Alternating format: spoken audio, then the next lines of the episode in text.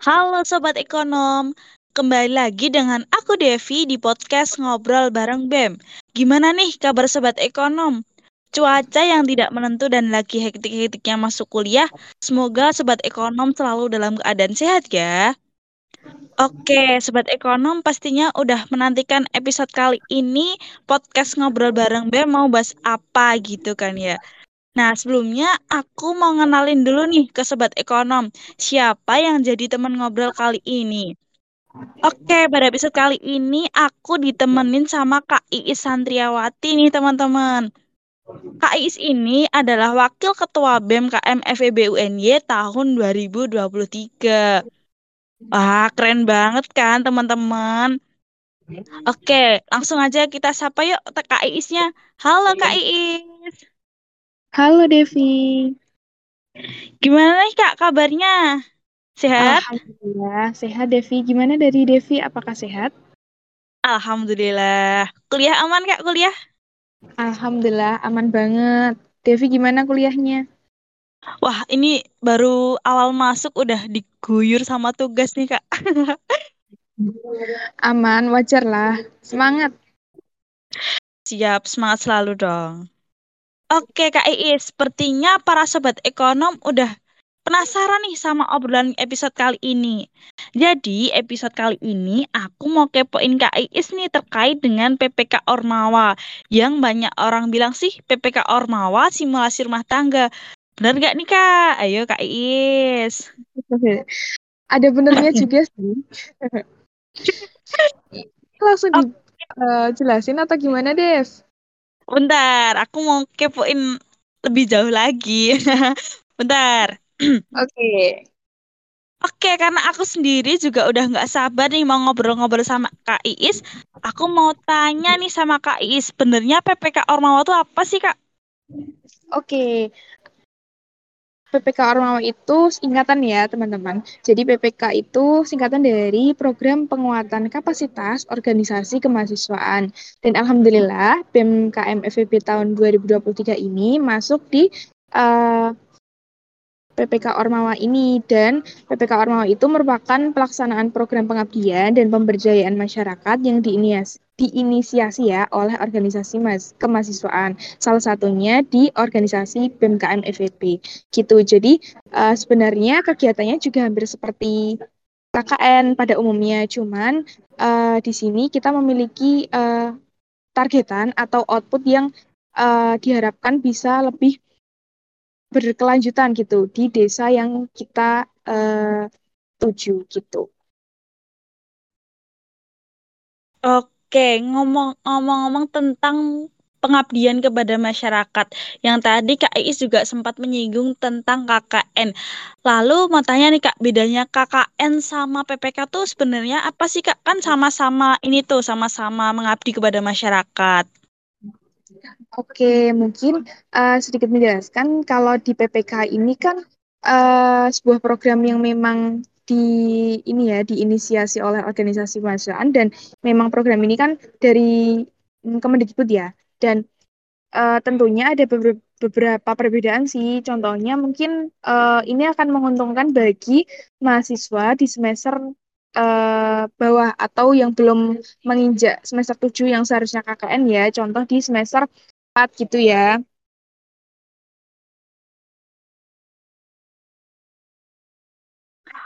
Oh, jadi uh, ikut PPK itu minimal semester itu semester 4 ya, Kak? Tidak juga sih. Uh, jadi maksud uh, maksudnya ini tuh nanti bisa dikonversi gitu loh. Bisa dikonversi yang uh, ini tentunya memberikan keuntungan bagi teman-teman yang semester di bawah gitu. Ininya belum semester 7 yang seharusnya KKN gitu kan. Mereka nantinya uh, ketika semester 7 bisa digunakan untuk mengerjakan yang lain seperti skripsi atau memenuhi SKS gitu. Gitu. Jadi uh, apa namanya memberikan keuntungan yang lebih lah gitu. Bisa dikonversi di KKNPK. Kemudian habis itu di PPK itu uh, kita didanai gitu mungkin sekitar uh, nominalnya 40-an juta ya gitu. Insya Allah itu uh, bisa digunakan dalam programnya gitu. Uh, kita tidak apa namanya digunakan untuk pribadi sih, itu untuk program kerja juga gitu. Dan alhamdulillah ini memberikan apa ya uh, kemudahan gitu, kelancaran dalam programnya. Uh, kemudian di PPK ini uh, perbedaannya sama KKN itu outputnya ya, outputnya kan diusahakan untuk berkelanjutan. Jadi dalam uh, pelaksanaannya kita itu uh, membuat proposal yang diajukannya itu untuk uh, beberapa tahun juga. Jadi ada step-stepnya gitu kayak mengajukan proposal, terus persyaratannya pun juga tidak hanya sekedar mengikuti organisasi ya gitu. Jadi mungkin uh, yang masih aku ingat itu lim, uh, sekitar 15 orangan gitu kan. 15 orangan yang terdiri dari beberapa prodi gitu kan. Beberapa prodi dan beberapa angkatan yang berbeda gitu. Dan memang harus yang paling utama adalah berada dalam uh, apa namanya? dia mengikuti organisasi gitu gitu walaupun tidak uh, satu ormawa ya gitu. Kemudian apalagi ya kalau KKN itu kan karena memang jaraknya tuh tiga bulan. Nah, sedangkan di BPK ini lima bulan gitu. Nah, uh, kemudian kalau KKN itu tadi seperti yang jelasin dia um, program dan apa namanya dana itu kan dipikirin uh, dari kelompoknya sendiri gitu kan. Sedangkan kita memang udah ada dana yang dibekali gitu dari Kemendikbud itu, kemudian Belmawa ya terkhususnya sama uh, lebih lama gitu jangka waktunya lima bulan itu. Gitu Devi. Oke oke Kak, jadi aku udah tahu nih bedanya KKN sama PPK. Lalu uh, ngobrol-ngobrol ter terkait dengan yang didanai 40 juta. Nah, itu kan dana yang besar nah Kak. Terus kalau boleh tahu nih Kak, kegiatan di PPK itu apa aja nih Kak? Oke, kalau di kegiatan di PPK sebenarnya sama seperti KKN pengabdian gitu ya, cuma bedanya tadi seperti yang aku sampaikan, ada beberapa program kerja yang memang harus uh, kita apa ya inisia inisiasikan gitu. Kayak di sini di BEM ini kita mengambil di desa cerdas gitu ya, uh, yang kegiatannya tuh di sini ada lima lensa gitu kan, lima lensa lensa tuh di apa namanya di tim kita itu namanya Lentera Asa gitu. Nah di desa cerdas ini uh, ada lima lensa. Yang pertama ada lensa plan gitu kan. Lensa plan itu yang bersifat seperti tanaman gitu loh. Kita berusaha untuk hmm, edukasi gitulah mengenai penanaman. Kemudian yang kedua ini ada lensa planner gitu. Di sini kita itu uh, seperti pemasarannya gitu dari produk nya gitu kan. Terus yang ketiga ada lensa edu, ini kayak pendidikannya gitu ya, kita belajar mengajar gitu dan sebagainya. Terus ada lensa health gitu mengenai kesehatan dan yang terakhir ada lensa daya mengenai budaya dan sebelum kita mengambil ini kita memang uh, melakukan apa ya? survei dulu ya ke tempat desa yang kita tuju gitu kan. Nah, emang desa yang kita tuju itu juga tidak sembarang desa gitu. Karena dalam proses pelaksanaannya itu uh, ada beberapa spesifikasi gitu loh. Kayak karakteristiknya ada desa yang udah maju gitu kan desa berkembang. Nah kita itu ada di desa Klomprit uh, desa eh, dusun Klomprit desa Bukit Harjo. Nah itu termasuk desa berkembang gitu. Gitu Devi. Wah, ternyata program yang diselenggarakan dari PPK itu banyak sekali ya, Kak. Nah, tentunya dari beberapa program-program itu kan pasti ada manfaatnya nih, Kak. Nah, kalau boleh tahu, uh, ikut PPK itu manfaat yang didapat tuh apa aja sih, Kak? Selain kita mengabdi terus dapat pengalaman tuh apa aja sih, Kak? Kalau boleh tahu nih. Oke, okay.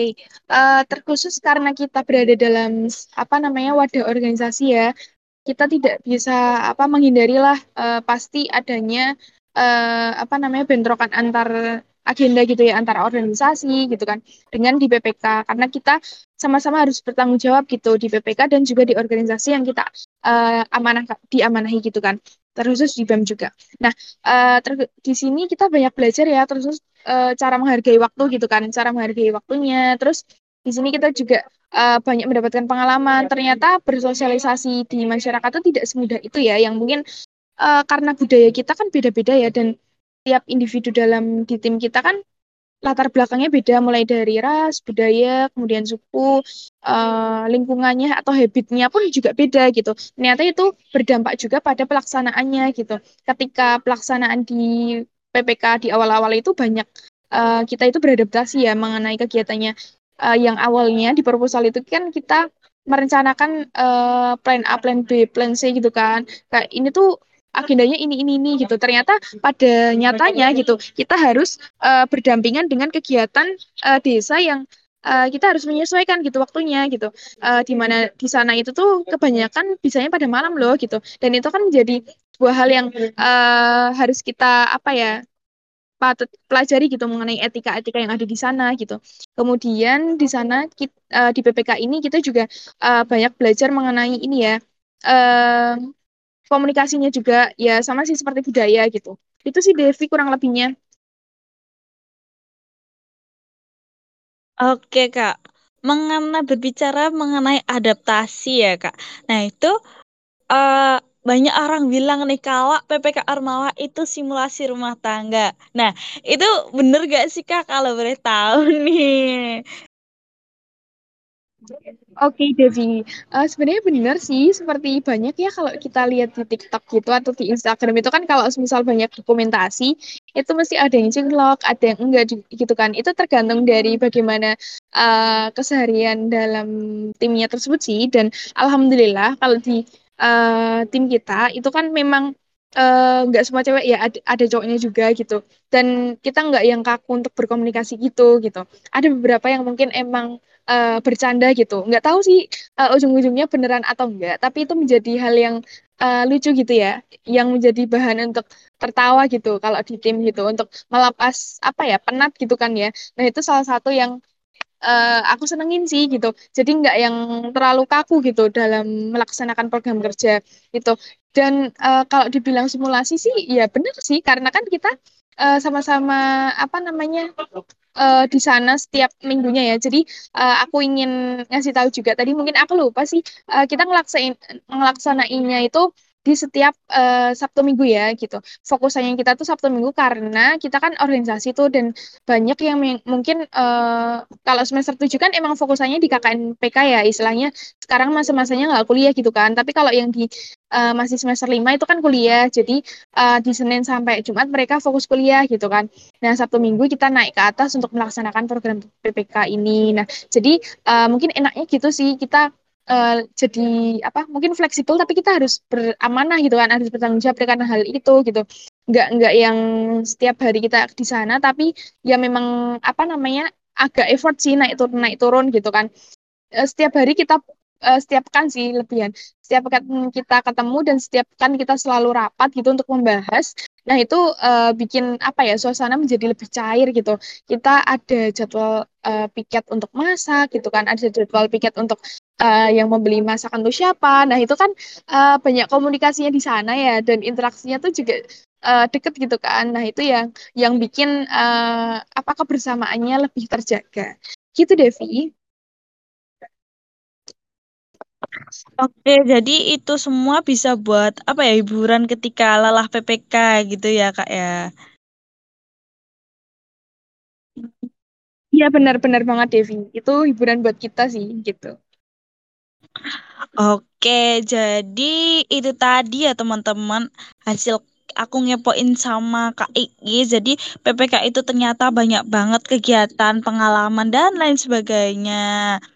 Oke, di sini aku mau ngucapin terima kasih dan semangat ya buat Kak Iis menjalankan PPK Ormawanya. Semoga pengabdian yang diberikan dapat memberikan manfaat untuk warga sekitar. Amin. Amin.